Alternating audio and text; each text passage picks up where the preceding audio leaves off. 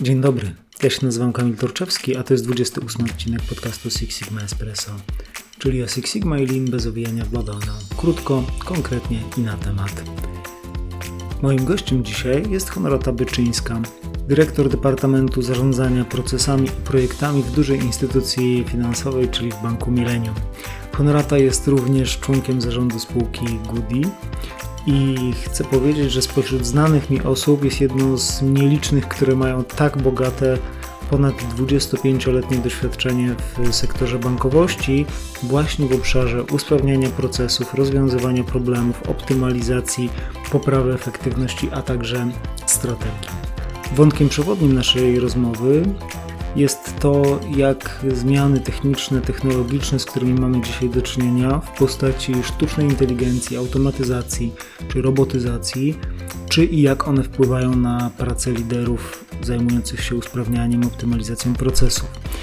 I choć ten wątek wydaje się być taki bardzo techniczny, to nasza dyskusja grawituje mocno również w kierunku aspektów takich miękkich, powiedzmy wręcz psychologicznych, i tego, z jakimi wyzwaniami dzisiaj no, mierzymy się jako, jako liderzy czy jako menedżerowie. Dlatego myślę, że w różnych obszarach y, i technicznych, i tych miękkich, przywódczych będzie można tutaj wiele ciekawych rzeczy usłyszeć. Zachęcam do wysłuchania naszej rozmowy. Przed Wami Honorata Byczyńska z Banku Millennium i ja, czyli Kamil Torczewski, Akademii Białego Kruka. To cześć Honorata. Cześć Kamil. Bardzo się cieszę, że mamy okazję spotkać się. E, no my się znamy dosyć długo, ale dla słuchaczy naszych powiedz w dwóch słowach, kim jesteś i czym się zajmujesz? Przede wszystkim bardzo dziękuję za zaproszenie, bo naprawdę miło mi e, mieć z Tobą taką pogawędkę. A kim jestem, czym się zajmuję? Od y, wielu lat pracuję już w bankowości. Chyba nawet nie chciałabym już liczyć od ilu, ale jest to mhm. naprawdę sporo. E, I w bankowości zajmowałam się wiele lat biznesem, biznesem hipotecznym, biznesem consumer finance, po czym po jakimś czasie przeszłam do tematu optymalizacji e, procesów, zarządzania procesowego i zajmuję się tym do dzisiaj. Mam też przyjemność w Banku Millennium reprezentować taką spółkę Goody, która powstała kiedyś jako startup. Miałam przyjemność pracować przy tym startupie od samego początku i tworzyć go. Dzisiaj to już trudno powiedzieć, żeby to był startup. Goody mhm. to spółka, która wspiera e, klientów w dokonywaniu smartnych zakupów z mhm. użyciem różnych promocji. Mogłabym jeszcze o sobie powiedzieć, że wspieram młode osoby w rozwoju, e, lubię prowadzić e, mentoring z mm, rokującymi, -hmm. fajnymi osobami, współpracuję z Vital Voices, gdzie często też uczestniczę w Global Mentoring Walku, więc e, w tym zakresie też chętnie dzielę się swoją wiedzą. -hmm. To jest też zawsze ciekawe, powiedz na jakim ty stanowisku dzisiaj jesteś w Banku Millennium? Jestem dyrektorem e, Departamentu Zarządzania Procesami oraz e, Zarządzania Projektami Strategicznymi. I to mhm. jest e, moje główne stanowisko w banku. I oprócz tego jestem właśnie członkiem zarządu w Goody. Mhm. Czy to będzie jakieś nadużycie, jak powiem, że cała efektywność, sprawność i płynność działania procesów w banku to trochę na Twojej głowie są? Między innymi oczywiście sama tego nie realizuję, bo mhm. e, efektywność e, jest w DNA naszej organizacji, więc wszyscy e, dbamy o efektywność tych procesów, ale przyznam, że zarządzanie procesowe w naszej organizacji myślę, że jest jedno z najlepiej zorganizowanych w banku i mamy te procesy bardzo dokładnie spisane, pomierzone, monitorowane. E, I te pomierzone i monitorowane procesy są często dla nas e, triggerem do tego, aby e, zaplanować optymalizację w miejscu, w którym widzimy, że coś jednak nie jest tak, jak powinno być. Jasne. Honorata, my spotkaliśmy się y, pierwszy raz przy okazji szkolenia Six Sigma wiele lat temu. Rzeczywiście, może nie liczmy lepiej ale wiem, że dzisiaj Twoja praca to, to nie jest tylko Six Sigma, ale że w tym obszarze pracy z procesami to bliskie są Ci podejścia i Lean, i dużo jest project managementu, i w ogóle podejście procesowe jako y, samo w sobie. E, mam pytanie takie, czy Ty te światy różne mm, jakoś łączysz, czy może starasz się je oddzielać? To jest taka częsta wątpliwość, jak się w tym nie pogubić. Jest dużo tych filozofii, ścieżek, jeszcze Kaizen można by było dopisać do tego i tam jeszcze całą długą, długą listę. E, jak ty to widzisz dzisiaj z perspektywy swoich doświadczeń? Rzeczywiście rozpoczęło się e, moja działalność w banku w odnośnie optymalizacji od zarządzania procesowego. E, I wówczas właściwie zaczęliśmy od tego, żeby te wszystkie procesy zmapować, pomierzyć e, i bardzo dobrze monitorować. I wtedy włączył się Lean, czyli takie proste mm. sposoby na optymalizację tych procesów. Ale bardzo szybko okazało się, że sam Lean nie wystarczy.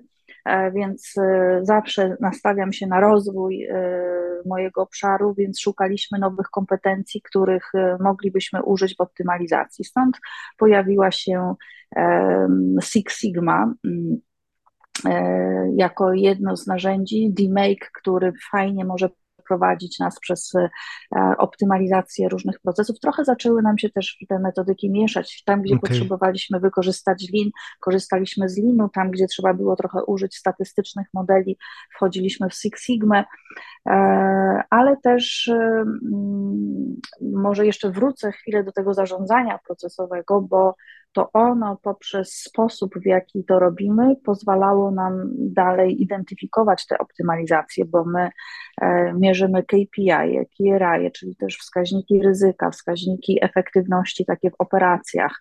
E, obserwujemy reklamacje, czyli też dokładnie badamy, z czego wynikają reklamacje, odsłuchujemy rozmowy w call center, mm, e, analizujemy szczegółowo zdarzenia ryzyk operacyjnych, bo takie też się zdarzają w całej bankowości u nas jest to bardzo mocno monitorowane.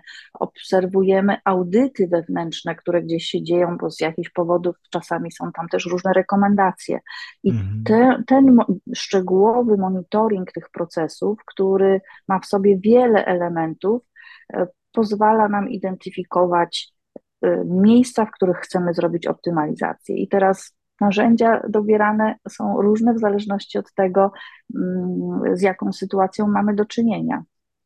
I na przestrzeni lat, dzisiaj muszę powiedzieć, że tych mm, narzędzi czy kompetencji mamy już bardzo dużo. Rozwinęliśmy to dużo szerzej niż tylko Lean i Six Sigma. W pewnym momencie mm, uznaliśmy, że przydałaby nam się również umiejętność UX-owa, service design, czy też realizowanie mm -hmm. projektów takich bardzo, bardziej pod y, customer experience, mm -hmm. tak, pod patrzenie pod kątem klienta. Nie bez przypadku oczywiście, bo bank bardzo mocno nastawiony jest na e, dobry NPS, na dobry odbiór przez klienta wszystkich naszych usług, mm -hmm. a procesy wszystkie gdzieś kończą się zawsze na kliencie albo na pracy, nawet jeśli pracownika, to on też ją wykonuje po to, żeby dostarczyć e, fajną usługę czy serwis serwis naszemu klientowi. Więc również kompetencje service design wkładamy do, do naszych projektów. A w ostatnim czasie, ponieważ technologia poszła tak bardzo do przodu, e, to również robotyzacja jest też w moich rękach i jeżeli chodzi o optymalizację auto, roboty, robotami, e, wykonywana jest ona w naszym departamencie, czyli też łączymy biznes z technologią. E, mhm. W niektórych mm, organizacjach taka robotyzacja jest w dziale IT. Tutaj jest ona w dziale biznesowym, bo okay. mój departament jest w obszarze biznesowym, więc to też taki ciekawy rozwój świata w ostatnim czasie, czy biznesu, w jaki sposób te optymalizacje idą, łączymy mm -hmm. technologię już teraz z biznesem. Mm -hmm.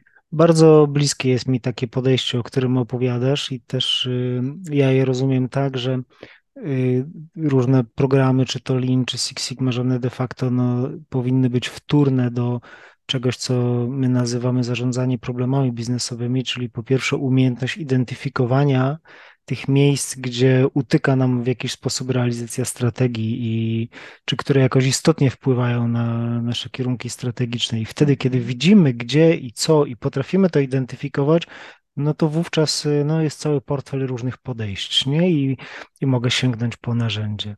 Kłopot jest wtedy, jak to jest odwrotnie, czyli jak program jest nadrzędny nad biznesem. Nie? Tak, mhm. prawda. Wspomniałeś, Honorata, też o tym, że y, robotyzacja y, no nie jest już gdzieś w IT, nie jest taką technikalią tylko, a zaczyna być bardzo poważnym tematem biznesowym. No w wielu branżach, ale myślę w, w bankowości w sposób szczególny te zmiany technologiczne, techniczne, one są jakoś widoczne. Chciałem Ciebie zapytać, y, jak z Twojej perspektywy, tak patrząc z wysoka y, i szeroko obejmując to zagadnienie, jak te zmiany technologiczne wpływają w ogóle na pracę osób, które się zajmują usprawnianiem procesów? Co się zmieniło? Mhm. Mhm. To można w dwóch y, kontekstach powiedzieć, bo z jednej strony, jak to wpływa na pracę tych osób, których praca jest automatyzowana, a z drugiej strony na osoby, które e, automatyzują też, czy pracują nad optymalizacjami, bo mm, praca w, myślę, że nie tylko w bankowości, ale w wielu firmach e, automatyzuje się po to, abyśmy mogli się zająć bardziej skomplikowanymi procesami. I e, rzeczywiście mm, tak to się dzieje, że te proste czynności, z którymi mamy do czynienia, no już naprawdę spora ich część została zautomatyzowana. Właściwie trudność czasami e, bardziej polega na tym, że pewni dostawcy nie potrafią zautomatyzować swoich czynności albo dostosować się do tego, co nam mhm. przynoszą, więc dlatego jeszcze niektóre elementy nie są zautomatyzowane, natomiast proste czynności rzeczywiście automatyzujemy i tą pracę osób, które zajmowały się tą prostą czynnością, przenosimy do czynności bardziej skomplikowanych. I co się z tym wiąże? Reskilling, tak, czyli też e, praca z tymi osobami nad nowymi umiejętnościami, nowymi obszarami, którymi mogą się zająć. Więc też nie tylko w naszej organizacji, ale w wielu innych widzę, że reskilling jest takim tematem, który jest wtłaczany w organizację, ponieważ wcale e, automatyzacja nie oznacza, że w obszarach wszystkich będziemy mieć od razu mniej pracowników. Po prostu jest więcej też biznesu. Chcielibyśmy, żeby oni zajęli się e, tym, co jest w danym momencie istotne. E, także fajnie, jeśli osoby dzisiaj, w dzisiejszych czasach trzeba mieć e, otwartość na zmianę, również w kontekście -hmm. tego, czym mogę się zajmować za chwilę. Mhm. No, zaadresowałaś takie, mhm. taką wątpliwość czy pytanie, które się często w tym temacie pojawia, nie? No, automatyzacja, robotyzacja, e, no, czy, czy, my potracimy pracę niedługo wszyscy, bo zastąpią nas roboty, nie? Ty mówisz, że, że tak się nie dzieje, e, a niektóre dane pokazują, że wręcz jest e, wręcz odwrotny trend. Zależy też oczywiście w jakich obszarach i zależy od osób, czy są skłonne na to, aby podjąć inne wyzwania i inne mhm. zadania. Tak. bo nie każdy jest gotowy na tą zmianę i nie każdy jest gotowy na to, żeby e, przekwalifikować się, aby wykonywać za chwilę inną pracę. No więc z różnych powodów oczywiście to następuje i jak najbardziej no jest oczywiście mniej oddziałów na przykład, no to też e, mhm. nie jesteśmy w stanie pewnie zaabsorbować do centrali tak dużo nowych osób, ale z drugiej strony rozwija się bardzo mocno dział IT, więc też więcej zatrudnienia jest w dziale IT. Więc suma summarum jednak ważna jest ta praca osób, ale z innymi umiejętnościami. Po stronie za to osób, które automatyzują, czy też różne procesy, czy też wdrażają te automatyzacje. Może warto jeszcze dodać, że bo powiedziałam o robotyzacji, ale dzisiaj już nie tylko robotyzacja, ale narzędzia dostępne na rynku, na przykład y, Power Up, Power Up Automate y, dostarczone przez na przykład Microsoft, one pozwalają osobom na stanowisku pracy budować pewne modele procesowe, automatyzować sobie e, czynności, które wykonują, więc e, naprawdę ten IT, ta technologia wtłaczana jest do naszej codziennej pracy. Pytanie tylko, kto jest w stanie i czy może udźwignąć tą nową wiedzę. Warto, żeby w mhm. organizacjach powstawały takie centra kompetencji, które może będą uczyły te osoby na stanowisku, jak sobie automatyzować swoją e, własną pracę. No właśnie, bo teraz dotykamy takiego innego, ciekawego obszaru, jak to wpływa na kompetencje y, osób, których potrzebujemy właśnie w tym obszarze? Czy to, czy to wpływa jakoś na to, jak honorata rekrutujecie dzisiaj takie osoby? Czy to wpływa w ogóle jakoś na, nie wiem, na matryce kompetencyjne, na model rozwoju osób? Mhm. Dla mnie y, w rekrutacji bardzo ważna jest postawa, czyli ta odwaga czy chęć rozwijania swoich umiejętności. Pewne oczywiście fundamentalne kompetencje są dla mnie ważne i według nich oczywiście w ogłoszeniach też rekrutujemy, mówiąc o prowadzeniu projektów, o optymalizacjach, Lean Six Sigma, mhm. No super, jeśli są, ale często przecież też rekrutuję osoby młode, które są po studiach, nie mają często wielu certyfikatów, a to naprawdę dla mnie ważna jest taka umiejętność analizy danych i chęć rozwijania się, bo rozwój tych osób powoduje, że one odważniej wchodzą w optymalizacje, które E, ja mówię o optymalizacjach, bo tymi najczęściej się zajmujemy, czy optymalizacje, czy projekty strategiczne. Mhm. Rozwój e, własny, który naprawdę dostarczamy, bo jest taka możliwość naszej organizacji, żeby się rozwijać, czy to poprzez szkolenia, czy to poprzez um, uczenie się od kolegów, koleżanek, e, rozwijanie swoich kompetencji. Ja stawiam na rozwój, bo widzę, że osoby, które się rozwijają, o wiele odważniej wchodzą w projekty. E, są, e, rozwijając się, nabieramy e, nowych kompetencji, nabieramy fajnej wiedzy. Rozwój to jest również bardzo aktywne uczestniczenie w projekcie, ze zrozumieniem. To też nam daje mhm. rozwój. Wtedy taka osoba staje się partnerem do rozmowy z biznes ownerem danego procesu. Mhm. E, to daje tej osobie też znowu ten rozwój e, i to aktywne uczestnictwo w projekcie, pewną pewność siebie. I, i, I dalej e, taka osoba, która się rozwija, chętniej wchodzi w zmiany, bo w moim obszarze towarzyszy nam cały czas zmiana. Więc jeśli ja mam osoby, które się rozwijają, które są odważne, to automatycznie o wiele prościej wchodzą w mm, proces zmiany. A zmiana też jest rozwojem i nam się takie kółko zamyka, można powiedzieć. Um, ale rzeczywiście ja coraz częściej patrzę na postawę i na poczucie odpowiedzialności, um, analizę danych, chęć rozwoju, Mhm. odważne wchodzenie w y, to otoczenie, które jest bardzo dynamiczne. Jeśli mm, ta odpowiedzialność, chęć rozwoju e, jest w osobie, to naprawdę możemy zdziałać bardzo dużo i, e, i zrobić, osiągnąć wspólnie wiele. I to jest to, czego szukasz dzisiaj, tak to rozumiem, że tak. bardzo podkreślasz y, mm, tą przewagę właśnie postaw, zachowań takich prorozwojowych nad aktualnie posiadaną wiedzą, doświadczeniem czy umiejętnościami, które ktoś ma na, na dzień dzisiejszy.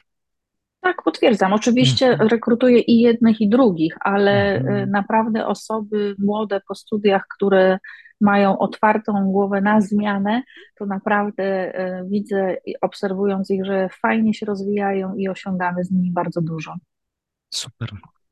Mm, Honorata, tak mówimy o y, różnych zmianach, które które są spowodowane przez y, właśnie automatyzację, robotyzację, te zmiany technologiczne. Y, czy jest coś takiego, co tracimy albo co straciliśmy w Twojej y, ocenie poprzez ten rozwój technologiczny, zamienianie właśnie, wiesz, pracownika robotem, czy nową technologią, mm -hmm. bo szereg rzeczy zyskujemy rzeczywiście, pozbywamy się, czy tam można powiedzieć, outsourcujemy tą najprostszą pracę, możemy zrezygnować z szeregu różnych kosztów, e, które się z tym wiążą, przenieść osoby do bardziej zaawansowanej, twórczej, rozwojowej pracy, uzyskać większą dynamikę, tak to rozumiem. Ale czy jest coś, co tracimy? Mhm. Rzeczywiście, tak jak mówisz, jak pomyśleć sobie, co zyskujemy, to jest dużo takich rzeczy. Za chwilę też mogę, e, myślę, do niektórych nawiązać, ale gdybyśmy pomyśleli, co tracimy, to wiesz, w ostatnim czasie nawiązałabym do rzeczy może nieoczywistej, ale do mhm. pracy zdalnej.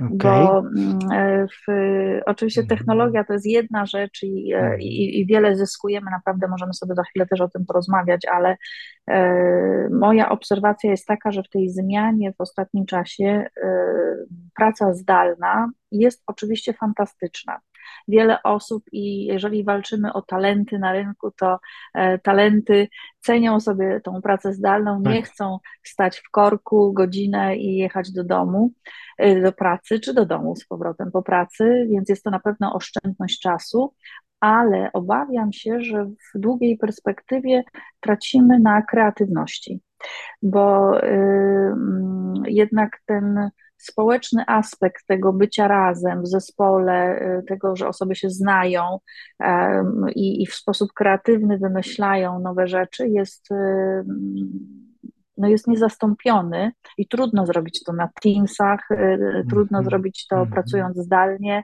e, trudniej jest o integrację zespołu. Ci, którzy już się znali od dawna i razem dalej pracują, nie ma problemu, ale przychodzą nowe osoby. Mm-hmm. Te osoby czasami odchodzą od, z pracy i nie zdążyły jeszcze poznać e, całego departamentu, albo ktoś z starej gwardii nie zdążył tak, poznać tak, tak, e, tak nowego tak. pracownika, bo już zdążył przyjść i odejść, więc, mm, więc tutaj, mimo że oczywiście też jestem zwolennikiem pracy zdalnej i uważam, że efektywność na tej pracy zdalnej jest naprawdę też y, bardzo wysoka, to tracimy w takich aspektach społecznych, które nie wiem mm, jeszcze, jak, jakie w przyszłości mogą mieć y, konsekwencje. konsekwencje tak na pierwszy rzut oka na pewno to jest ta kreatywność, ale może też y, jeszcze inne psychologiczne aspekty, które się za chwilę mm. ujawnią, a których jeszcze może tak bardzo nie widzimy. Mm. Więc ja nie widzę takich elementów, które tracimy z powodu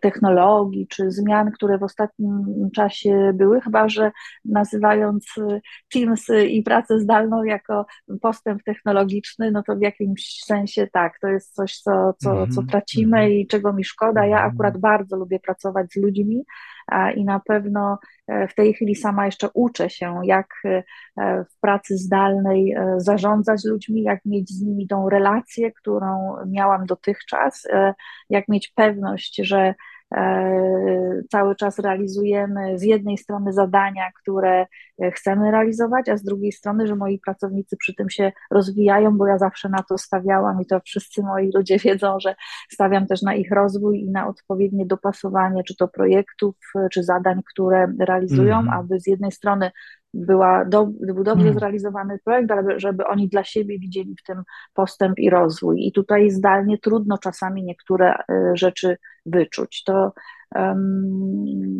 to, to w aspekcie może tego, co, to tracimy. co tracimy. Zapytałem Ciebie o to, bo mam takie, wiesz, przekonanie, że od zarania dziejów, zawsze kiedy y, mm, dokonujemy jakiś postęp, czy mamy jakiś postęp technologiczny, to płacimy podatek biologiczny, nie? czyli że no, coś sobie ułatwiamy, ale tak na poziomie biologicznym to coś przestajemy robić, z czegoś przestajemy korzystać y, i się jakoś osłabiamy. Nie? Mhm. dzisiaj nagminnie, nie wiem, tracimy swoją uważność, tracimy relacje, tracimy różne tego typu rzeczy właśnie. Gdzieś, więc mhm. jakoś myślę, że gdzieś ten podatek biologiczny jest w tym i bardzo też mi tak. bliskie jest to, co mówisz, nie? O relacjach. Tak, Też tak, tak, z, tak. z, takiego mojego drugiego podwórka psychoterapeutycznego, yy, drugiego zawodu, no to ja się też coraz częściej spotykam z tym, że yy, osoby no, budują relacje i dla nich wzorzec relacji to jest relacja zdalna, yy, co jest y, no, w moim rozumieniu jakoś bardzo zagrażające. Nie? I, i orientuję się, że coraz więcej młodych osób traktuje, że to taką relację, która jest wyłącznie zdalną relacją, jako coś, co no, jest relacją w pełnym tego słowa znaczeniu, a czy, czy to jest rzeczywiście długoterminowo dla nas dobre, no to to jest kwestia do, do dyskusji, do zastanowienia. I to się pewnie uważam, pokaże że... dopiero. No. Tak, tak. No, mamy podobne spojrzenie i wydaje mi się, że w obecnych czasach tej pracy zdalnej mhm. Y, większy nacisk powinno się stawiać również na rozwój y, menadżerów, y, w jaki sposób zarządzać zespołem oraz w jaki mm. sposób wspierać zespół, bo dzisiaj pewne rzeczy czy trudności, które napotykają nasi pracownicy, mogą być trudniejsze do zidentyfikowania. Tak. Gdzieś każdy kierownik jest tym pługiem, który powinien odgarniać ten śnieg i pozwalać zespołowi iść do przodu, a tutaj jak ten śnieg zauważyć, jeśli to jest e, e, gdzieś tak, ukryte tak, może w zakątku i zaciszu domowym i nie wiemy, mm, e, jak to wygląda. Ja regularnie staram się z moimi pracownikami odbywać takie spotkania one-to-one, też żeby wiedzieć, jaka jest sytuacja i i pytam ich otwarcie, e, jak, e, czy w domu są sami, czy mają towarzystwo. Mm, I nie chodzi tutaj o moją wścibskość, o to, co, co się u nich dzieje, ale na tyle, na ile mogę zaingerować, to chciałabym wiedzieć, że nie czują się samotni że mają towarzystwo, że y, wychodzą na spacer y, i, i ich kondycja psychiczna jest y, bardzo dobra. Ja jestem zwolennikiem tego, że pracownik w pracy powinien czuć się szczęśliwy a, kondycja psychiczna jest tego elementem, a szczęśliwy pracownik przynosi nam więcej, prawda? Więc y, z jednej strony, jako menadżer, mam świadomość, że więcej osiągnę z moimi ludźmi, jeśli oni będą szczęśliwi w tym, e, co robią na co dzień. A w tej pracy zdalnej uważam, że jest tutaj pewna trudność e, jeśli ktoś ma fokus na inny problem, który jest obok niego, no to nie może się całkowicie sfokusować albo dać z siebie więcej w pracy. Jest to na pewno trudne. Jakoś wiesz, nawiązując do tego, co powiedziałaś, to dla mnie to jest tożsame y, z tym, tak jak mówiłaś o identyfikowaniu problemów w biznesie, w procesach, nie? Że, że mamy różne mechanizmy poinstalowane, KPI, -e, wskaźniki mówiące o ryzyku, o y, wydajności, efektywności i tak dalej, no to jest ten cały taki obszar ludzki, gdzie też y, dobrze jest wiedzieć, co się tam dzieje. I rzeczywiście tutaj pełna zgoda, że to, że jesteśmy tacy rozproszeni, praca zdalna dużo nam daje, ale że mhm. no, trudniej nam wychwycić y, też tak uważam, y, te trudności, które mogą tam być. Nie? A propos pracy zdalnej y, i, i mojej wypowiedzi odnośnie moich spotkań z pracownikami, e, opowiem Tobie też e, taką anegdotę, można powiedzieć, ale w ramach tych pytań moich do moich pracowników, e, jak jest im w domu, jak się mm -hmm, pracuje zdalnie, -hmm. czy, czy, czy są sami, czy mają towarzystwo, E, jeden z moich kolegów powiedział, ma żonę, jest w domu żona, więc fantastycznie. I zapytam, no to super, świetnie, a gdzie poznałeś żonę? A kolega powiedział, w pracy. No więc ja od razu otworzył mi się temat, to gdzie teraz ci inni mają poznać żonę i mężów? Właśnie, tak, na Tinderze. Będzie im trudno. No. Tak, więc, e, no więc chwilkę o tym rzeczywiście z kolegą porozmawialiśmy, mm. bo e, to był taki mocny zwolennik pracy zdalnej i dopiero tak, kiedy sobie zdał tak, sprawę tak, z tego, tak, że swoją tak. żonę poznał w pracy, e, to jednak przychodzenie do pracy ma mm. swoje korzyści. Tak. E, dokładnie. Honorata, wracając y, do biznesu i do, do tych zmian technologicznych, o których rozmawiamy, e, ty powiedziałeś dosyć sporo o tym, jak to wpływa na pracowników, na tą część taką związaną z realizacją projektów, z, z liderami projektów. A co z klientami naszymi? Czy to też obserwujesz z, z, perspektywy właśnie usprawniania procesów, optymalizacji? Czy to istotnie wpływa? Jak to wpływa? Gdzie klienci to mogą najbardziej, najmocniej zauważyć? I też, czy to są tylko dobre zmiany? Bo dopytuję, bo ja się naprawdę coraz mocniej frustruję tym, i że jako klient y, mam coraz większą trudność, żeby porozmawiać z człowiekiem gdzieś na jakiejś infolinii. O, prawda, tak. A z drugiej strony rzeczywiście oczekiwanie klientów jest, żeby było wszystko coraz szybciej, sprawniej Mhm, e, i najlepiej od razu, mhm, e, co wcale nie jest takie łatwe przy niektórych skomplikowanych procesach i usługach i produktach, więc to, co e, w każdej branży, myślę, jest na topie już od dawna, no to oczywiście jakość obsługi klienta, ten NPS, to czy y, klienci są zadowoleni z naszych usług, czy nie. I to przeradza się w projekty, których też wszędzie y, dużo, czyli personalizacja, teraz już mhm. hyperpersonalizacja, e, więc e, klientocentryczność, e, nazwy różnorodne, ale pod nimi kryje się właśnie fokus na kliencie, fokus na tym, jakiej jakości usługi czy produkty im dostarczamy. Czyli tutaj lokata mm, uszyta stricte na miarę konkretnego Adama Kowalskiego na przykład. albo zaproponowana w momencie, w której y, Aha, jeszcze się nie spodziewa, ale jest to strzał w dziesiątkę. okej. Czyli wyjście z ofertą w momencie, w której klient może najbardziej jej potrzebować, a wcale nawet się jeszcze nie spodziewa. W ogóle coś, co jest zaskoczeniem dla klienta, Mhm, jest jeszcze lepiej przez niego doceniane, ale oczywiście dopasowane do jego potrzeb, bo jeśli to jest coś, czego mhm. w danym momencie nie potrzebuje, no to, to trudno o tym mówić, ale A to uchyl e, rąbka tajemnicy, skąd się wie o takich rzeczach? No, oczywiście w bankowości my mamy dużo informacji o tym, co robi klient. Mamy, wiemy, w jakim jest wieku, jakim może być etap jego życia. Widzimy, jakiego rodzaju wydatki się pojawiły, w jakich sklepach są dokonywane, czy nie ma jakiegoś większego wpływu na Mhm, konto, e, czy, y, czy są dzieci w rodzinie. Często przecież konta są powiązane z dziećmi. Łatwo jest wyliczyć sobie, czy dziecko nie wchodzi nagle w etap studencki, może trzeba y, zaproponować y, zakup jakiegoś małego mieszkania, e, a może jakiś kredyt na studia zagraniczne, mhm, a mo, albo widzimy również wyjazdy zagraniczne, więc ubezpieczenie turystyczne w danym momencie, więc to są naprawdę ilość takich e, punktów styku z klientem jest e, cała masa, ale oprócz oprócz tych produktów, które są w danym momencie przekazane klientowi, klient jeszcze oczekuje, że one szybko i sprawnie zostaną zrealizowane najlepiej tu i teraz. Więc mhm, stąd ta automatyzacja jest e, taka istotna, bo ona pozwala nam na to, na zrealizowanie tych oczekiwań klienta, że mhm, szybko i teraz i tutaj.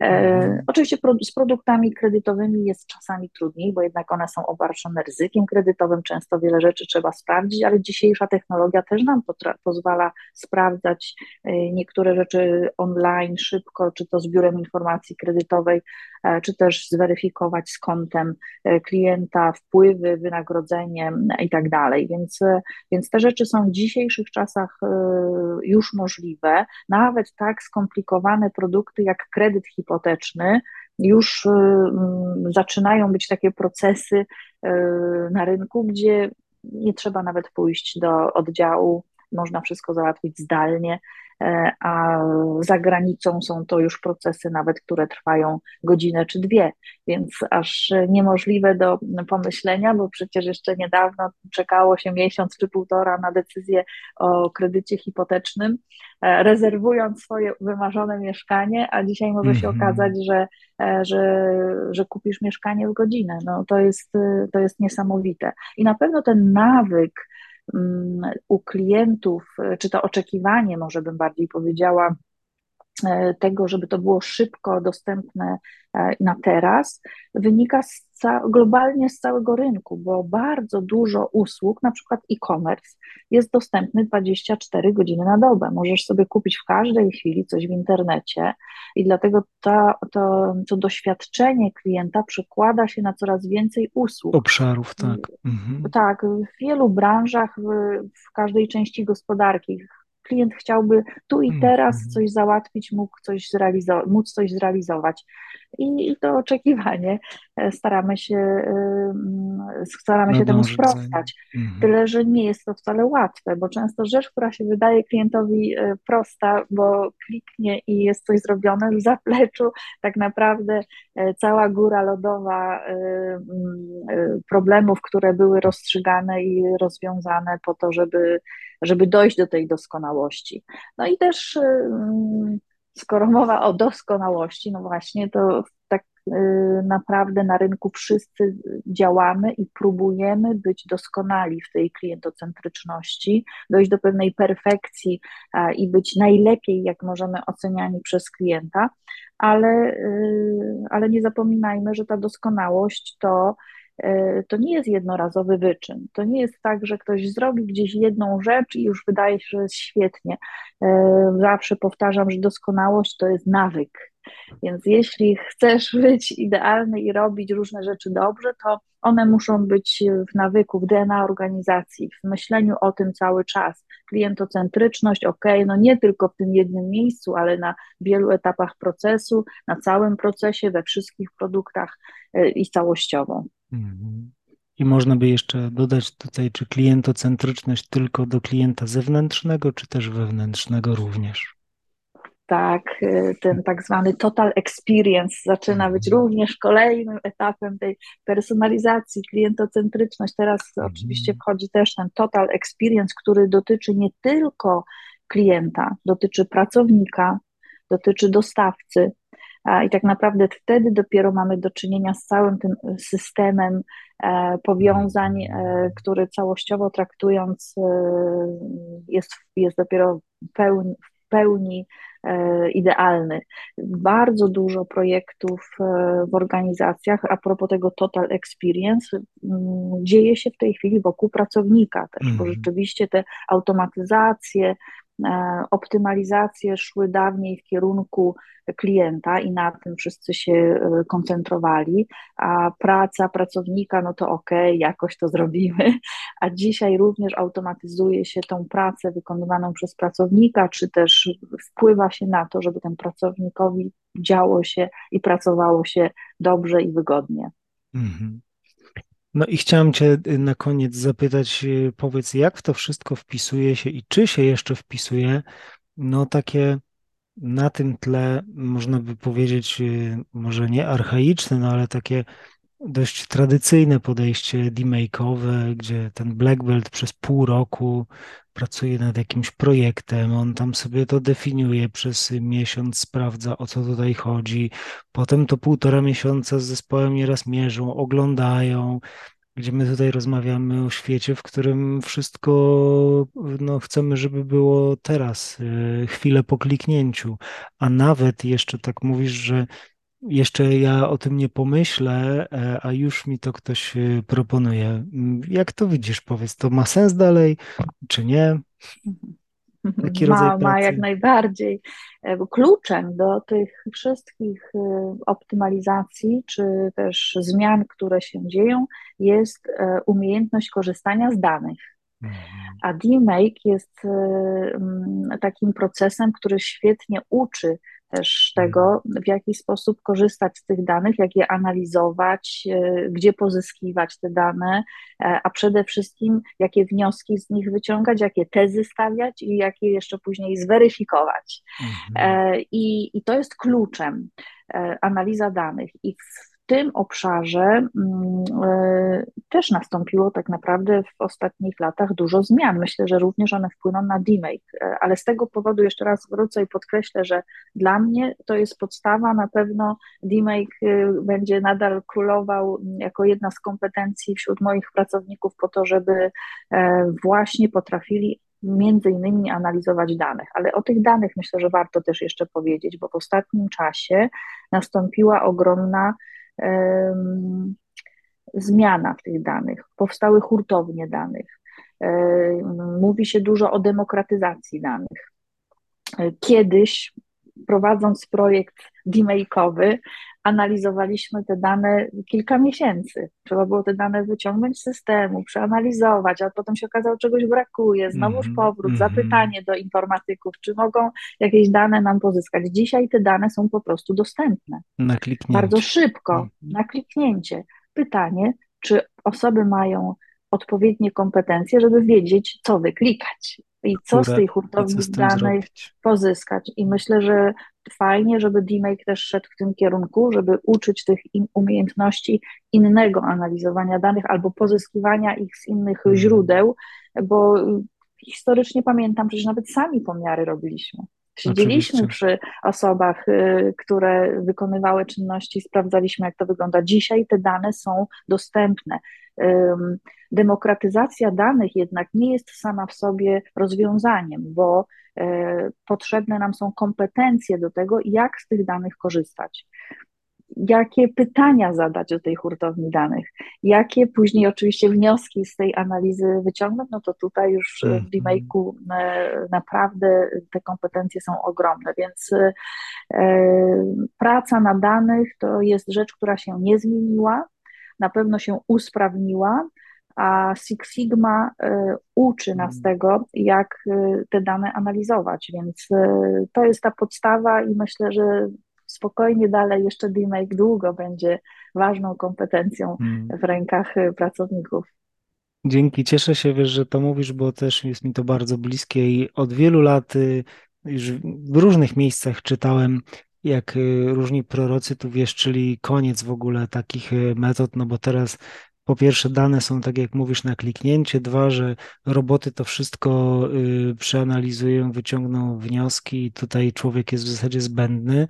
No doświadczenie okazuje się y, mówić coś dokładnie odwrotnego, że kluczowe to jest właśnie ta kompetencja, której nie potrafimy wyoutsourcować na razie, czyli wiedzieć, to jakie pytania trzeba zadać. Nie? Tych danych rzeczywiście tak. jest ogrom, ale o co ja potrzebuję zapytać?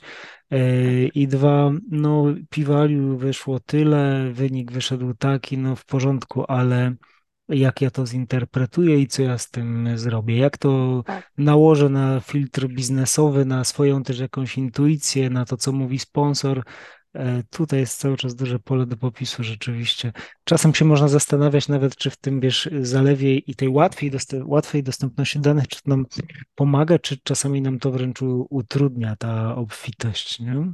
No najważniejszy jest czas i teraz mhm. czas jest bezcenny i on i, i, i, i, na tym nam czasie bardzo zależy. I teraz dostęp do tych danych spowodował, że my możemy bardzo skrócić czas analizy, ale tak. znowuż powtarzamy to, co powiedziałeś, mogę tylko powtórzyć i pomiarów mhm. dokładnie, więc ten, ten, ten czas możemy sobie fajnie tej analizy skrócić, ale cały czas potrzebujemy kompetencje jak tą analizę przeprowadzić. Jak mhm. Mogę powtórzyć po prostu to, co powiedziałeś. Mhm. To jest e, umiejętność e, ogromna. Zresztą też jak pytałeś mnie o kompetencje pracowników, to analiza danych jest też jedną z tych, ten rozwój i umiejętność czytania czy, czy analizy danych to są, to są bardzo kluczowe kompetencje na dzisiaj w, wśród pracowników. Konrata, czego Ci życzyć na tej zawodowej drodze w tych czasach? Technologicznie dynamicznych? No, myślę, że dalszego y, umiejętności poszukiwania tego, w czym y, najlepiej się rozwijać, bo ostatnio dużo się mówi o sztucznej mhm. inteligencji i teraz tego jest tak dużo i tak szeroko, że sama w tej chwili y, myślę o tym, w jaki sposób te optymalizacje nasze w jakim kierunku pójdą i jak e, mądrze sztuczną inteligencję w tym wykorzystać. My już robimy roboty e, z elementami sztucznej inteligencji, jakiś też machine learning, ale mhm. mm, co dalej? Mhm. No to tego Ci życzę. Ja to rozumiem jako taką, wiesz, mądrość, żeby z tych wielu ścieżek różnych, które się otwierają, wybierać najlepiej jak się da po prostu. Prawda. Bardzo Ci dziękuję za tą rozmowę, dla mnie szalenie ciekawą. Dowiedziałem się sam wielu nowych rzeczy dzisiaj, o których wcześniej nie słyszałem, jak na przykład Total Experience. E, dodam tylko, że y, dla słuchaczy, że będzie można Ciebie posłuchać też i spotkać na konferencji naszej we wrześniu gdzie będziesz tak. prowadziła panel dyskusyjny na koniec konferencji, na, na, końcu konferencji, właśnie też y, no, w tym temacie, o którym rozmawiamy, czyli jak te zmiany techniczne, technologiczne wpływają na świat usprawnienia procesów. Gdzie będzie nie tylko bankowość, ale też solidny kawałek produkcji obecny. Jestem bardzo ciekawa e, tego, co Mhm. usłyszę też od innych uczestników, szczególnie z produkcji, bo chętnie porównam tego, co się dzieje w świecie bankowości i w świecie produkcyjnym. Też Tobie, Kamil, bardzo dziękuję. Mhm. Super rozmowa, szybko zleciała. Tak, zdecydowanie. A dla tych z Was, którzy chcieliby wziąć udział w tej konferencji, na hasło Six Sigma Espresso jest specjalny 10% rabat przy zapisie, to tak jeszcze dodam. Honorata, bardzo Ci dziękuję yy, i do zobaczenia we wrześniu. Do zobaczenia. Dziękuję.